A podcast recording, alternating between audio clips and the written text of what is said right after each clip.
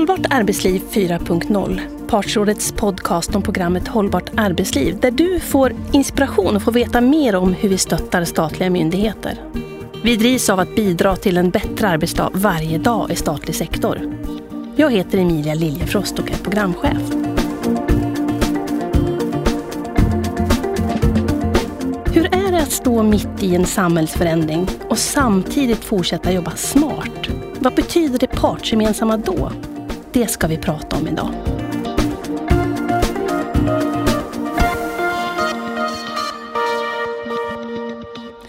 Jag har bjudit in två gäster som har lång erfarenhet av att arbeta med samverkan och förändring. Varmt välkomna Ken Jonsson, ordförande för Partsrådets arbetsområde Samverkan. Tack.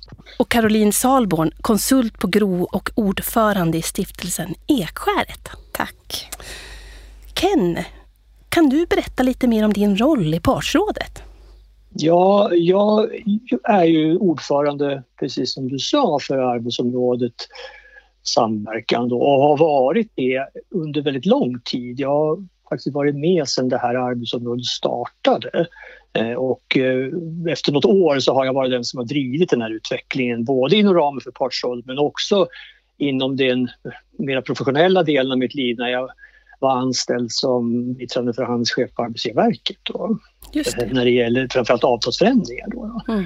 Eh, och har verkat kan man säga hela mitt professionella yrkesliv inom ramen för partssystemet både på lokal nivå och på landstingsnivå men också på de sista 20 åren på nationell nivå framförallt inom offentlig sektor. Mm.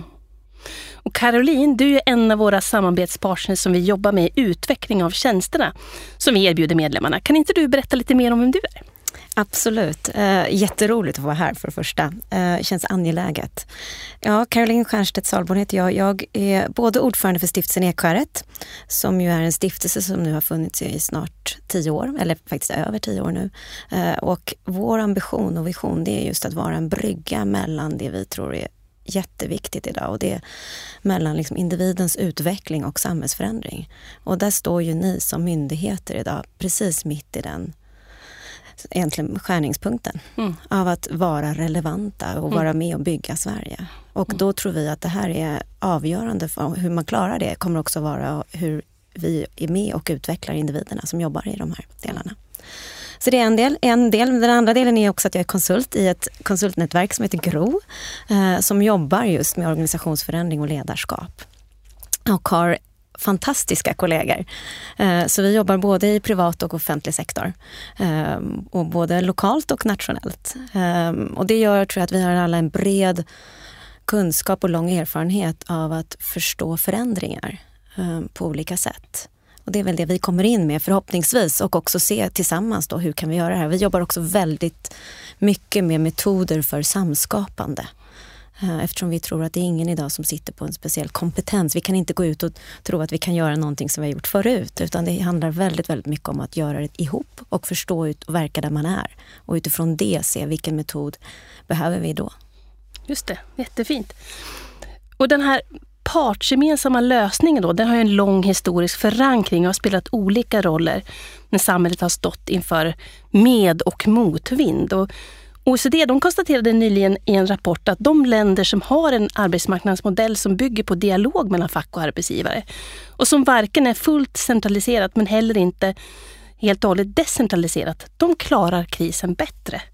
Och de lyfter bland annat då fram Sverige som ett framgångsrikt exempel. Och enligt OECD tillhör vi ett av de länder som genom vårt partsgemensamma modell är bättre rustade för att klara de utmaningar vi står inför.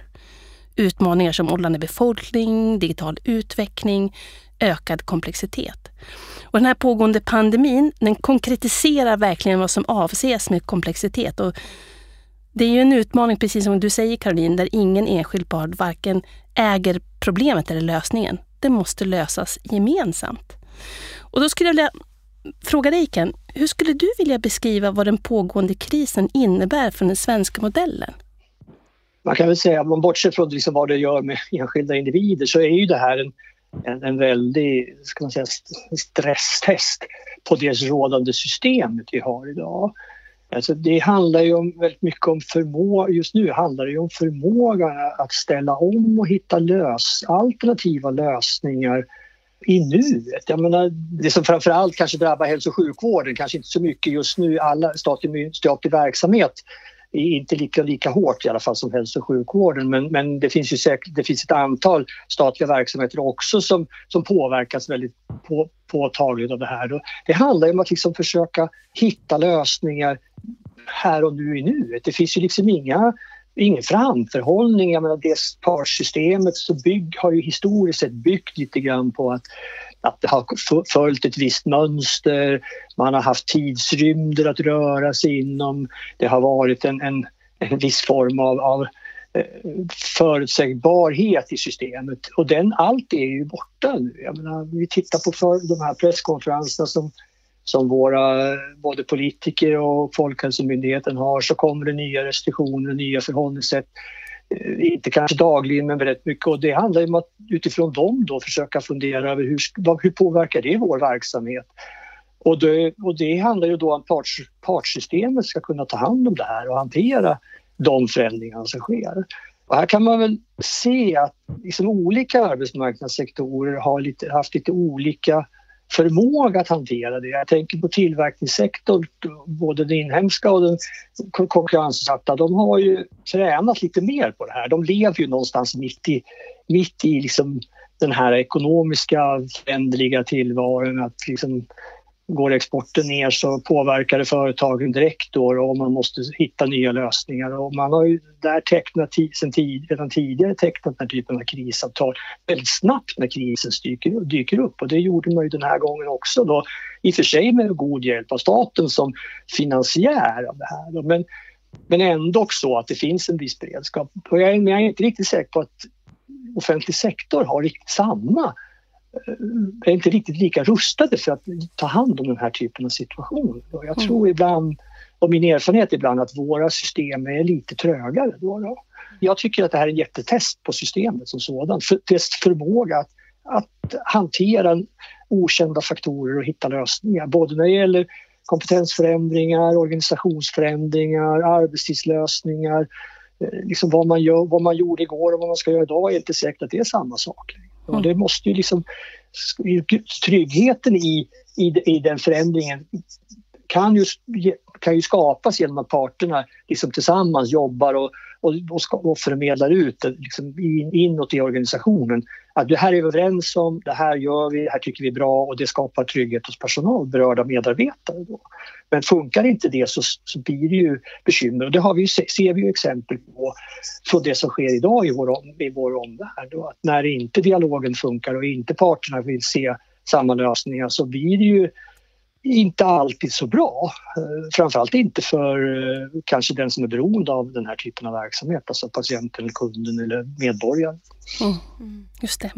Man kan ju säga som så att liksom just nu så improviserar hela stora delar av hela världen för, för att hantera det här läget. Och det du pratar om nu Ken, det handlar ju om vad det innebär för systemet att behöva improvisera. Mm. Och systemet är ju inte uppbyggt på improvisation. Det är ju uppbyggt på andra liksom, mekanismer och mm. andra förutsättningar. Det här är ju någonting som vi hoppas att aldrig mer kommer inträffa men det tror jag kanske också är naivt att tro att det inte kommer inträffa igen. Utan det handlar ju om att liksom testa systemet, fundera över vad är det som vi behöver förändra och förnya och hur kan vi hitta alternativa sätt att jobba och alternativa sätt att lösa våra, de utmaningar vi står inför. Mm. Caroline, utifrån ditt perspektiv, både som ordförande i Edskäret som har diskuterat den här typen av frågor länge, eh, men också som konsult och du möter både myndigheter och andra delar i offentlig sektor. Vad ser du för någonting? Men jag ser ju att vi är egentligen mitt i det, det vi har pratat om länge. Alltså, vi har ju använt oss av ett begrepp för att förklara den här världen som vi är inne i just nu, som vi kallar för VUCA, som är ett begrepp som kommer från den amerikanska militären på 1980-talet. Men den står ju egentligen för V som är volatilitet, som är liksom kärnan i förändring. Att ibland kommer det snabbt och, och ibland så kommer det liksom lite långsammare, de här stora förändringsvågorna. Och nu kommer det otroligt fort. Um, och kanske fortare än vad vi många liksom trodde, och jag läste nu precis innan jag gick in i studion här, att Anders Tegnell var inte heller beredd, Ehm, och som, folk, liksom när han satt på Folkhälsomyndigheten, i omfattningen av, den här, av det här viruset och hur snabbt det faktiskt kom över till Europa och Sverige. Och jag tror att det är precis det här det som händer, att vi får den komplexitet som vi länge har pratat om och många har som ledare idag satt att okej, okay, vi lever i en komplex värld. Det är liksom uttryck som vi slänger oss med hela dagligen. Nu är vi i det och vi får känna det och det känns i hela kroppen. Det känns liksom, jag tycker att jag som mamma till tre barn känner i mitt familjesystem, i mitt eget system idag. att Det är banne mig inte lik någon, en dag inte lik den andra. Det förändras. Eh, och den här föränderligheten tror jag vi behöver lära oss att leva med på olika sätt. Eh, och, så det är både på individnivå, det är på liksom gruppnivå, det är på organisationsnivå, det är på samhällsnivå. Och det här också att vi känner av att vi är mycket mer sammanlänkade också. Och det, liksom, det adderar ju till komplexiteten och det känns också i alla de system vi är i. Och sen den sista biten i det här är att många sanningar existerar samtidigt. Det finns inte, finns inte svart eller vitt. Uh, och det finns inga enkla lösningar. Så hur hanterar vi det här att, liksom, att hantera saker? Vi vet inte. Vi vet inte det är mycket, jättemycket är oförutsägbart. Och stå mitt i det här och ändå kunna fatta kloka beslut.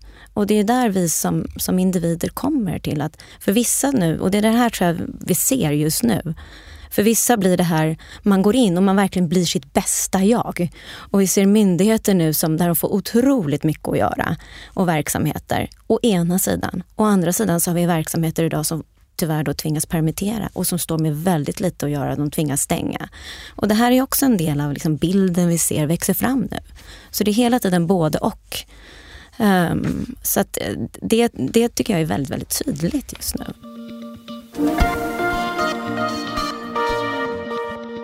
Ja, det är verkligen så som, som ni säger, att hela världen lever i liksom stor osäkerhet inför framtiden. Samtidigt som arbetslivet pågår. Den statliga sektorn och statliga arbetsplatser och alla andra också förstås ska försöka göra sitt uppdrag, driva sitt uppdrag under de här förändrade omständigheterna. Och det ställer ju verkligen krav på vårt hållbara arbetsliv och hur vi jobbar tillsammans.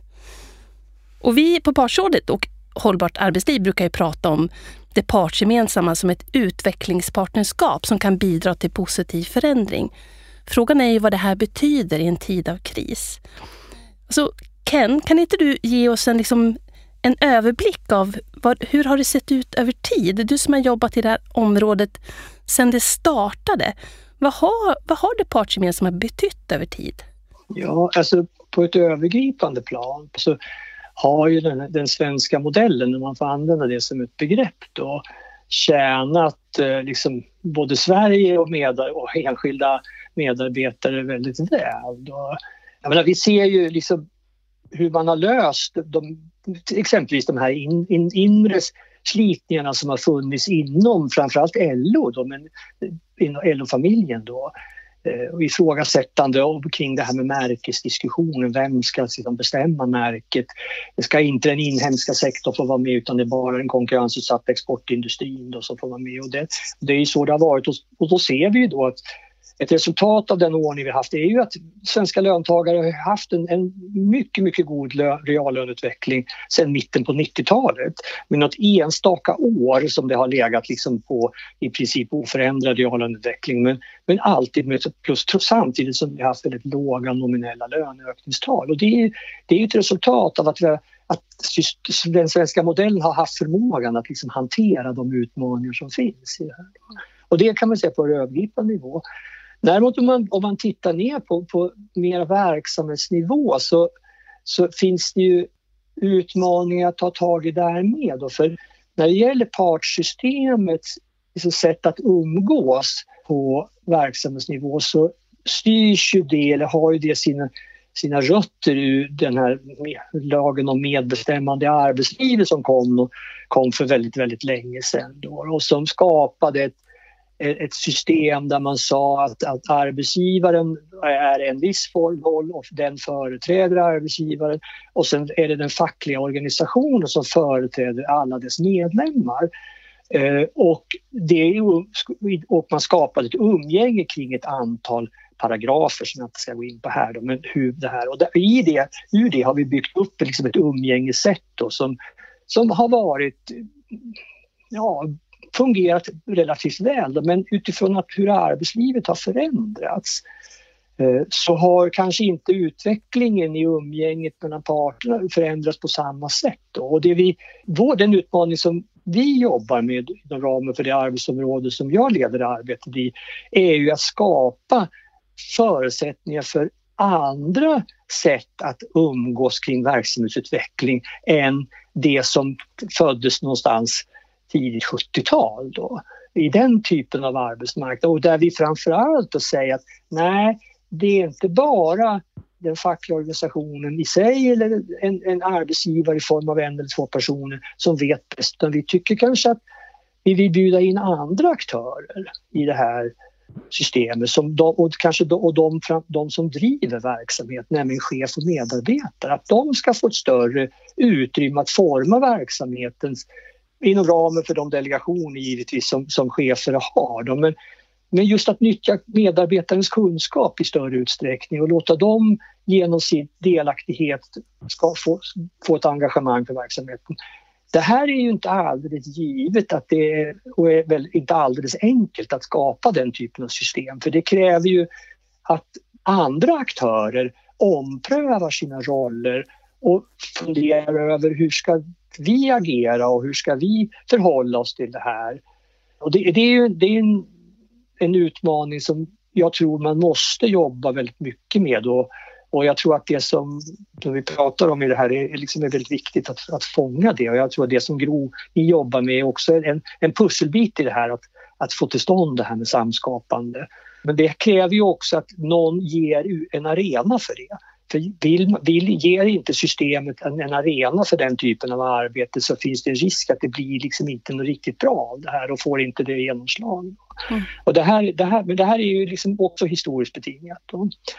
Partssystemet det har alltid haft förmågan, på, på samma sätt som svenska modellen har haft förmågan att på ett positivt sätt anpassas sig till omständigheterna så är det inte alltid så att partssystemet har varit haft samma positiva förmåga att anpassa sig till förändrade förhållanden på, på, på verksamhetsnivå. För där kan det också vara så att den har skyddat sig själv från influenser som ifrågasätter den, den rådande ordningen. Då. Caroline, vad tänker du när du lyssnar på Ken? Mm. Ehm, jag blir glad. Ehm, jag blir jätteglad för att jag tycker att äntligen börjar vi prata om de här frågorna som är ju liksom en liten hjärtefråga för oss. Hur vi tänker och hur vi jobbar men också hur vi ser på hållbart arbetsliv.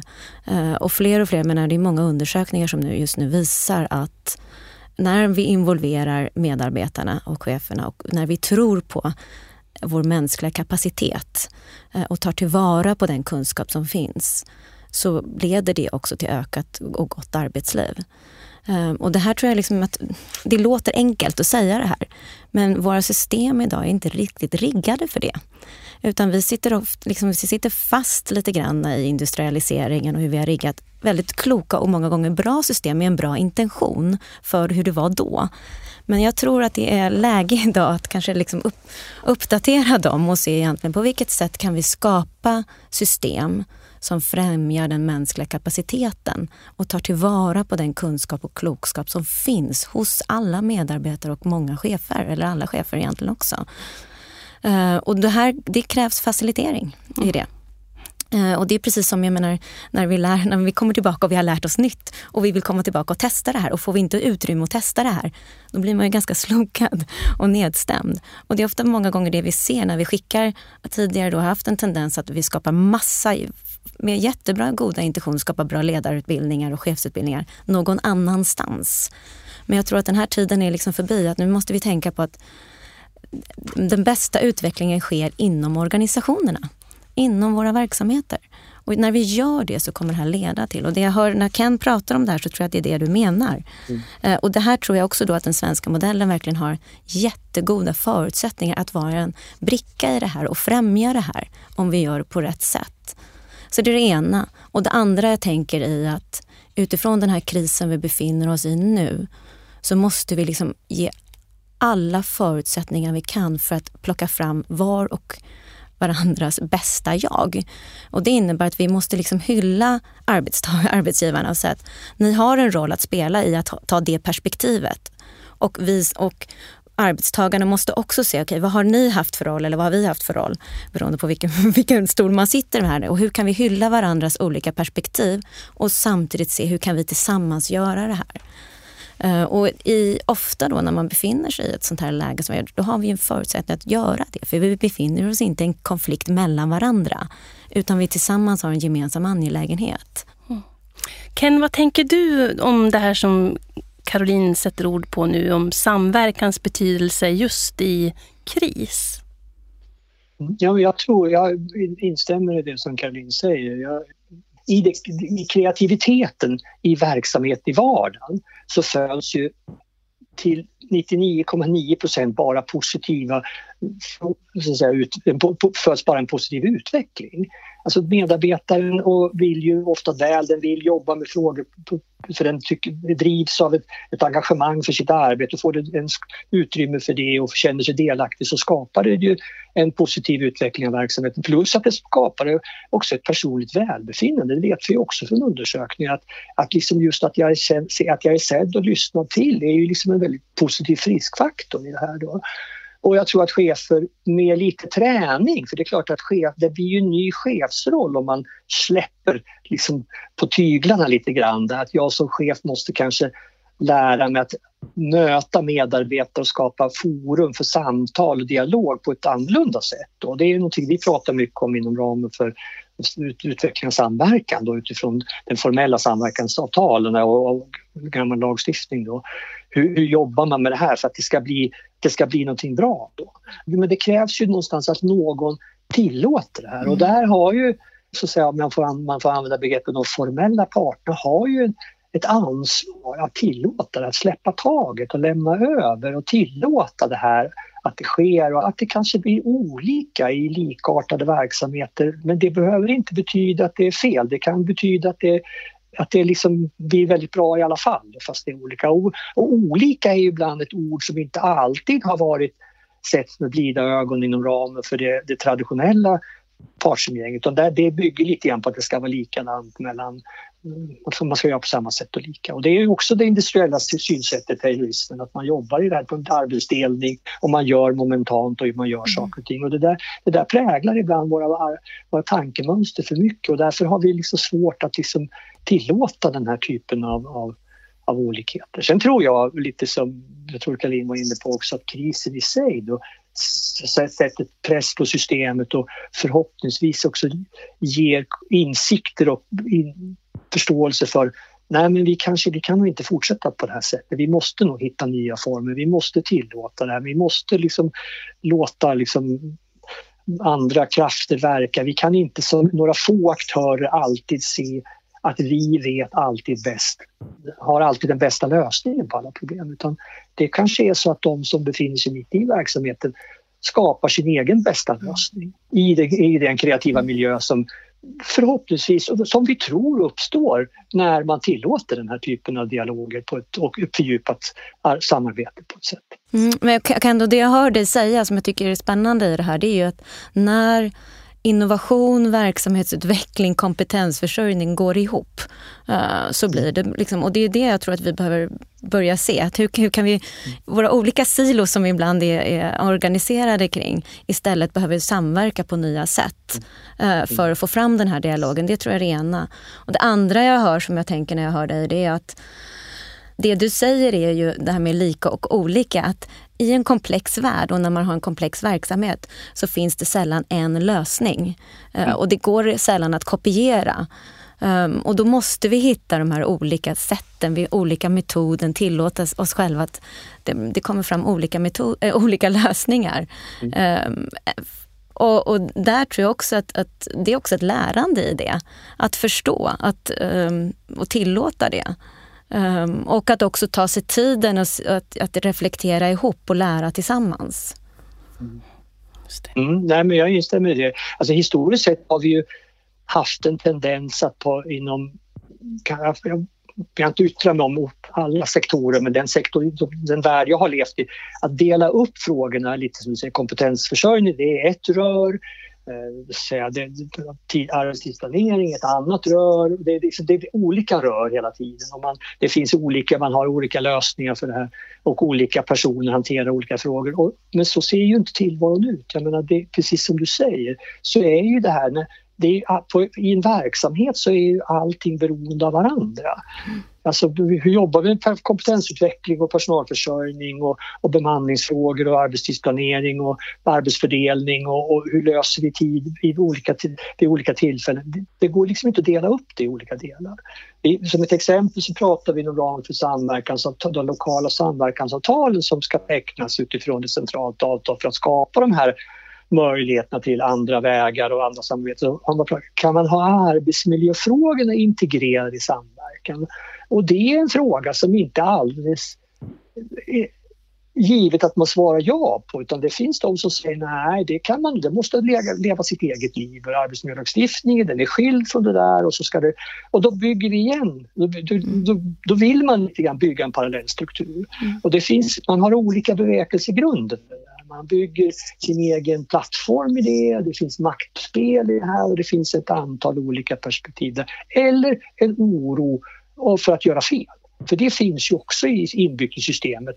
För gör man fel så får man smäll på fingrarna och beroende på vem man är, vilken sida man står och sitter vid bordet så blir det skadestånd eller man har gjort bort sig och blir ifrågasatt i sin roll och så vidare.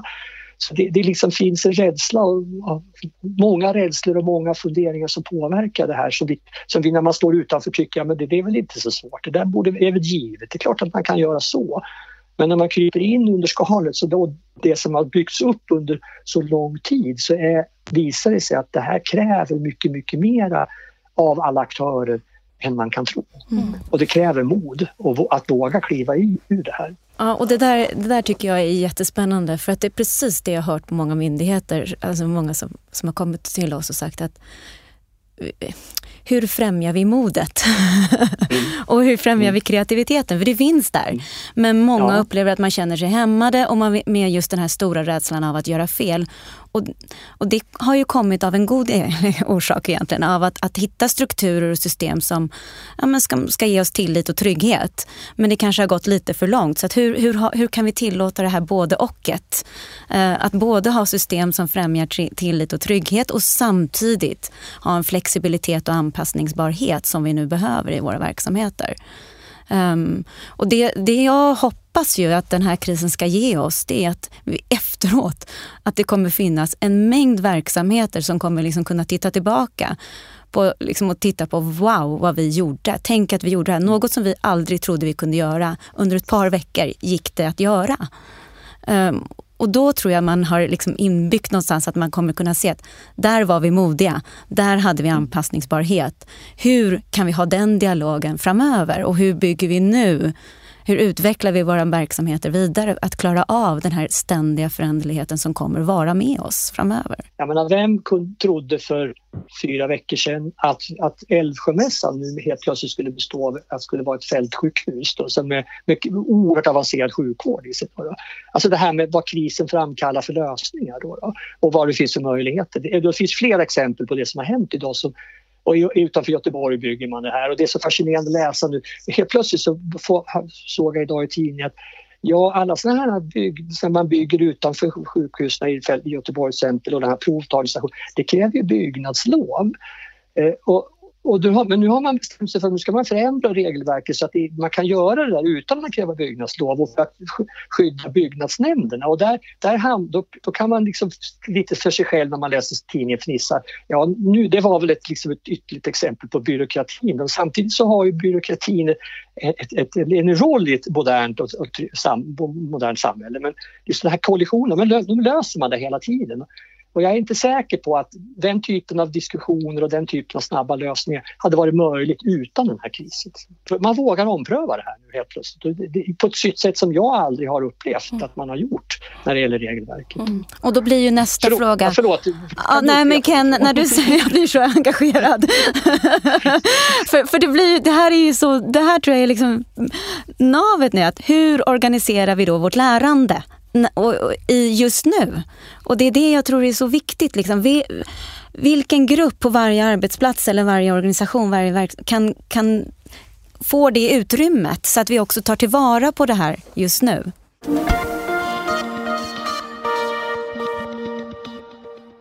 Ken, du brukar ibland prata om möjlighetsrum. Vad skulle det kunna vara i det här fallet? Ja, när jag brukar prata om möjlighetsrum det är ju också utifrån perspektivet lokal samverkan. Då. Om man vågar, jag brukar säga så här, om man vågar kliva in i möjlighetsrummet och se möjligheterna och börja med att titta på vad kan vi göra och vi gör det på ett annat sätt. Alltså vi vågar ifrågasätta, vi vågar reflektera över det, det arbetssätt vi har och, och, och fundera, är det här optimalt? Gör vi det bästa vi kan? Är det här, gagnar det här verksamhet, medborgare eller medarbetare och så vidare? Eller, eller finns det andra sätt vi kan göra det här på? Det är ju att, liksom att kliva in i det och inte börja med hindren. Jag har varit med om så många sådana här seminarier där, där, liksom, där, när man bjuder in till en diskussion om det här och, men där deltagarna har svårt att kliva in utan istället börjar med att stapla hindren och då börjar man, ja men hur vet vi att de gör rätt? Hur har vi kontroll att de, att de gör det de ska göra? Och arbetsgivaren det och facket det och medarbetaren det. Och, och, och, då liksom, på något sätt så orkar man inte se det här eller man vågar inte se eller orkar inte se utan man är präglad av ett annat tankemönster. Men jag tror att för att man våga kliva in i det här möjlighetsrummet så, så krävs det nog några vissa förutsättningar och en del har du varit på Caroline och det är ju det här med tilliten. Alltså det måste finnas en djup tillit mellan parterna att båda vill väl och att båda vill det bästa i, när vi gör det här. Ingen har en dold agenda, eller vi måste tro på att ingen har en dold agenda utan vi, vi tycker att det här gagnar båda våra perspektiv. Det är den ena delen. Och det, men det andra är också en, att det finns en medvetenhet och en dialog som också tar sikte på vad som händer utanför den egna organisationen. Det är så lätt att vara introvert och bara titta inåt och titta på vad sker hos oss och hur ser arbetsmiljön ut och hur ser möbleringen ut och ventilationen och arbetstider och måste vi så. Man, man tappar bort liksom, vad är det för uppdrag vi har och vad är det för någonting som vi är satta att tjäna då. Och då lyfter man in det här med möjligheterna, alltså går in i möjlighetsrummet med djup tillit men också en medvetenhet om det vi gör men också med, ha, ha fokus på finns det förväntningar i vår omvärld som gör att vi kanske måste lyssna på den och fundera över vad betyder det för vårt sätt att, att arbeta. Då, det är då man liksom nyttjar möjligheterna och funderar. För det behöver inte betyda att alla får det, några får det sämre utan det be, be, betyder ofta bara att det blir lite annorlunda. Mm. Och ofta skapar det en, en tillfredsställelse i, i ett lite längre perspektiv. Även om jag får byta lite arbetstider så inser jag liksom tillfredsställelsen i mitt arbete att det, ja, men det blev bättre. Och jag tror att lite grann ligger i det här att rädslan att göra fel och rädslan att det sitter. Det finns för många som sitter på läktaren och, och, liksom och, och, och kritiserar och, och granskar. Och, Eh, och jag menar, vi har ju den oförvitliga tjänst, statstjänstemännen ska ju alltid, ska ju alltid göra rätt. I, där det sitter djupt i själen genom statlig verksamhet.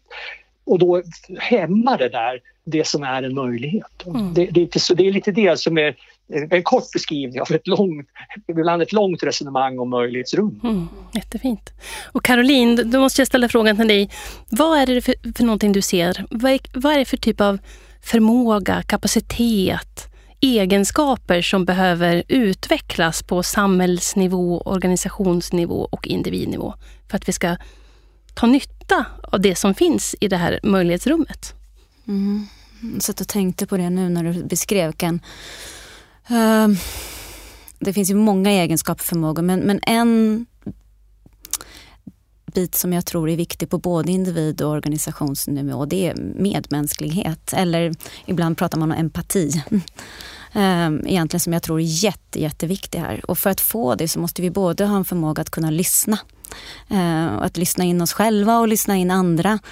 Lyssna in vad är det för olika perspektiv? Vad är det som är viktigt för dig som en motpart som sitter här egentligen. Och att kunna ha den här öppenheten då, tilliten till att jag kan säga det här och lita på att du lyssnar på mig och att du förstår det. Då kan jag gå in i en annan dialog och då komma till ett, en plats där vi tillsammans kan reflektera och diskutera utmaningar och svårigheter. Så det är väl liksom en del som jag tror är otroligt viktig i det här. Eh, en annan del är ju liksom den här förmågan till komplexitetsmedvetenhet, eh, som är ett svårt ord. Men, men det är ju det att, att kunna hålla och förstå systemet som vi verkar i. Um, och då behövs det liksom en, en, vi behöver tillsammans vara meningsskapare. Att tillsammans reflektera över den värld vi är och vad den behöver och också hur vi kan bidra uh, till det. Och att, att, för det handlar ju om när jag ser att jag kan bidra, när jag förstår vad som behövs, så brukar de flesta vilja också vara med och göra och, och vilja att kunna göra mer. Och det tycker jag är det är det vi ser idag. Det är så otroligt många som kavlar upp ärmarna och, och gör lite extra. Uh, och det är något som vi, vi behöver ännu mer av. Så att det, det är liksom några förmågor som jag ser att vi, vi kommer behöva. Och det som är det fina som jag tycker med alla de här förmågorna det är att det går att träna med rätt förutsättningar. Uh, och det är där systemen då, alltså, alltså vilka system främjar det här? Och ni talar ju båda om möjlighet till utveckling men också behov av utveckling. Och då måste jag ställa den här frågan till er båda då. Att vad är det vi riskerar om vi vägrar utveckling? Om vi, liksom, om vi bara håller kvar och försöker bevara och förvalta det som vi har. Vad säger du Ken? Ja, alltså, det enklaste svaret på det, det är ju att vi kommer att hamna i samma krissituation igen när nästa gång det uppstår en sån här situation. Då, vi har ingen beredskap, vårt civilsamhälle fungerar inte och medarbetare och människor är liksom inte förberedda på det här och så blir det, lite, så blir det ett lätt kaotiskt tillstånd. Då. Det är liksom det här lärandet som hela tiden måste ske i en komplex värld som aldrig egentligen stannar upp utan utvecklingen på gott och ont sker ju hela tiden. Och har man då inte förmågan att ompröva och göra nytt inför framtiden så sitter man ju fast nästa gång det händer någonting i samma situation igen. Samma problembilder upprepas gång på gång och det kan, det kan inte vara bra och det tror inte jag att, att vi som medborgare kommer att acceptera när det gäller i alla fall de delar av samhället som, som vi som medborgare kan påverka utan vi kommer att ställa krav på de ansvariga att så här kan det inte fortgå. Ni måste göra på ett annorlunda sätt. Ni måste våga ompröva de vägval man gör på politisk nivå och på, på högtjänstemannanivå kring hur vi, hur vi bygger organisationer och hur vi bygger sådana saker. För orkar man inte ompröva och e- erkänna att vi har systembrister så, så blir det samma elände igen och det tror inte jag att vi som medborgare kommer att acceptera. Det kommer att kräva politiska offer i sådana fall tror jag. Och då tror jag en sak till blir viktigt som, som jag inte nämnde men när jag hörde säga det, det är generositet jag tror att, att tiden är förbi där vi kan hålla på vårt eget lärande. Utan jag tror att vi alla måste bli att vi blir, måste vara mycket mer generösa. Eftersom avståndet mellan att lära och tillämpa har krympt och krymper mm. dagligen. Om jag tittar på mig själv senaste fyra, mm. fem veckorna, min inlärningskurva, jag skojade och sa det till några kollegor häromdagen. Jag har nog aldrig lärt mig så mycket som jag har gjort på den här korta tiden. I form av hur jag kan, liksom allt ifrån nya digitala verktyg till hur vissa system fungerar, till hur man kan prata, massa saker. Och att då se att det här är inte en kunskap som jag ska hålla på. Hur kan jag dela med mig av det här så att fler, så att vi lär oss tillsammans? Och också så att jag också i mitt eget ego blir, blir bättre. Eh, och det där tror jag gäller för våra system också. Vi behöver hitta sätt där vi blir liksom transparenta och generösa. Och det är de systemen som jag tror kommer klara sig bäst. Eh, för de kommer bli, kunna vara både anpassningsbara och flexibla men också kunna växa och kunna hantera nya utmaningar snabbare. Mm, jättefint. Det börjar bli dags att runda av men vi har tid för några sista medskick och då undrar jag Ken, om du fick ge tre tips till myndigheter som vill jobba partsgemensamt, vad skulle det vara? Ta del av det som Partsrådet erbjuder. Det är en enorm kunskapskälla kring utveckling och samarbete och utifrån väldigt många olika både delfrågor men också systemfrågor. Det andra som är lite mer utifrån min, min egen plattform det är liksom att se samverkan som en tillgång för verksamhetsutveckling och effektivitet och så skapa delaktighet och engagemang hos medarbetarna. Det, det är, det är inte en, en byråkratisering av, av verksamhet utan snarare tvärtom. En, en bra samverkan är tvärtom inte alls byråkratisk den är väldigt effektiv. Man fattar beslut i stunden, man, man fattar beslut på den nivå där beslut ska fattas. Sen det här äh, som vi har pratat om i, på, nu under den här stunden också, det här med våga vara modig, våga pröva, våga ompröva. Alltså det här att släppa taget om sargen, som är liksom sådana uttryck som man använder i olika sammanhang, det, det går nog att anpassa det här, sak, det här, i den här diskussionen också. Mm. Och Caroline, ett sista medskick till våra medlemmar. Hur kan lokala parter göra för att klara att härbärgera förändring och osäkerhet? Och det är mycket, jag tycker du, så, du har sammanfattat det bra. Jag skulle väl, det enda medskicket är väl liksom att organisera lärandet. Alltså, eh, ta vara på varje ka liten kaffestund ihop och reflektera tillsammans. Var, var, står vi nu? Var ser vi? Vad ser vi växa fram? Vad har jag lärt mig den senaste veckan? Vad kan vi lära oss?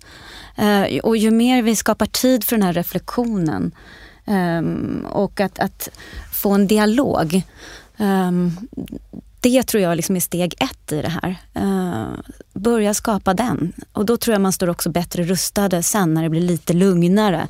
Att kunna gå in i det här möjlighetsrummet du beskriver Ken. Så det är liksom ett medskick jag, jag kan tänka mig att ge.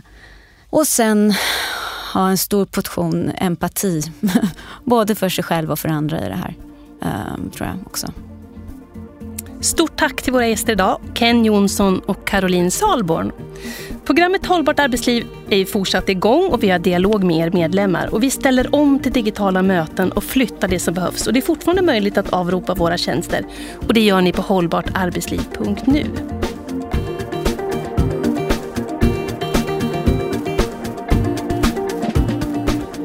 Partsrådets program Hållbart arbetsliv ska bidra till en bättre arbetsdag varje dag.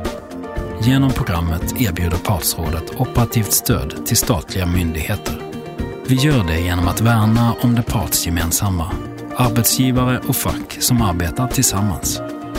Du hittar all information du behöver om våra åtta tjänster på halbartarbetsliv.nu. Där kan du göra en intresseanmälan för att få veta mer om tjänsterna och ni kan tillsammans, partsgemensamt, göra ett digitalt avrop på de tjänster ni vill ta del av.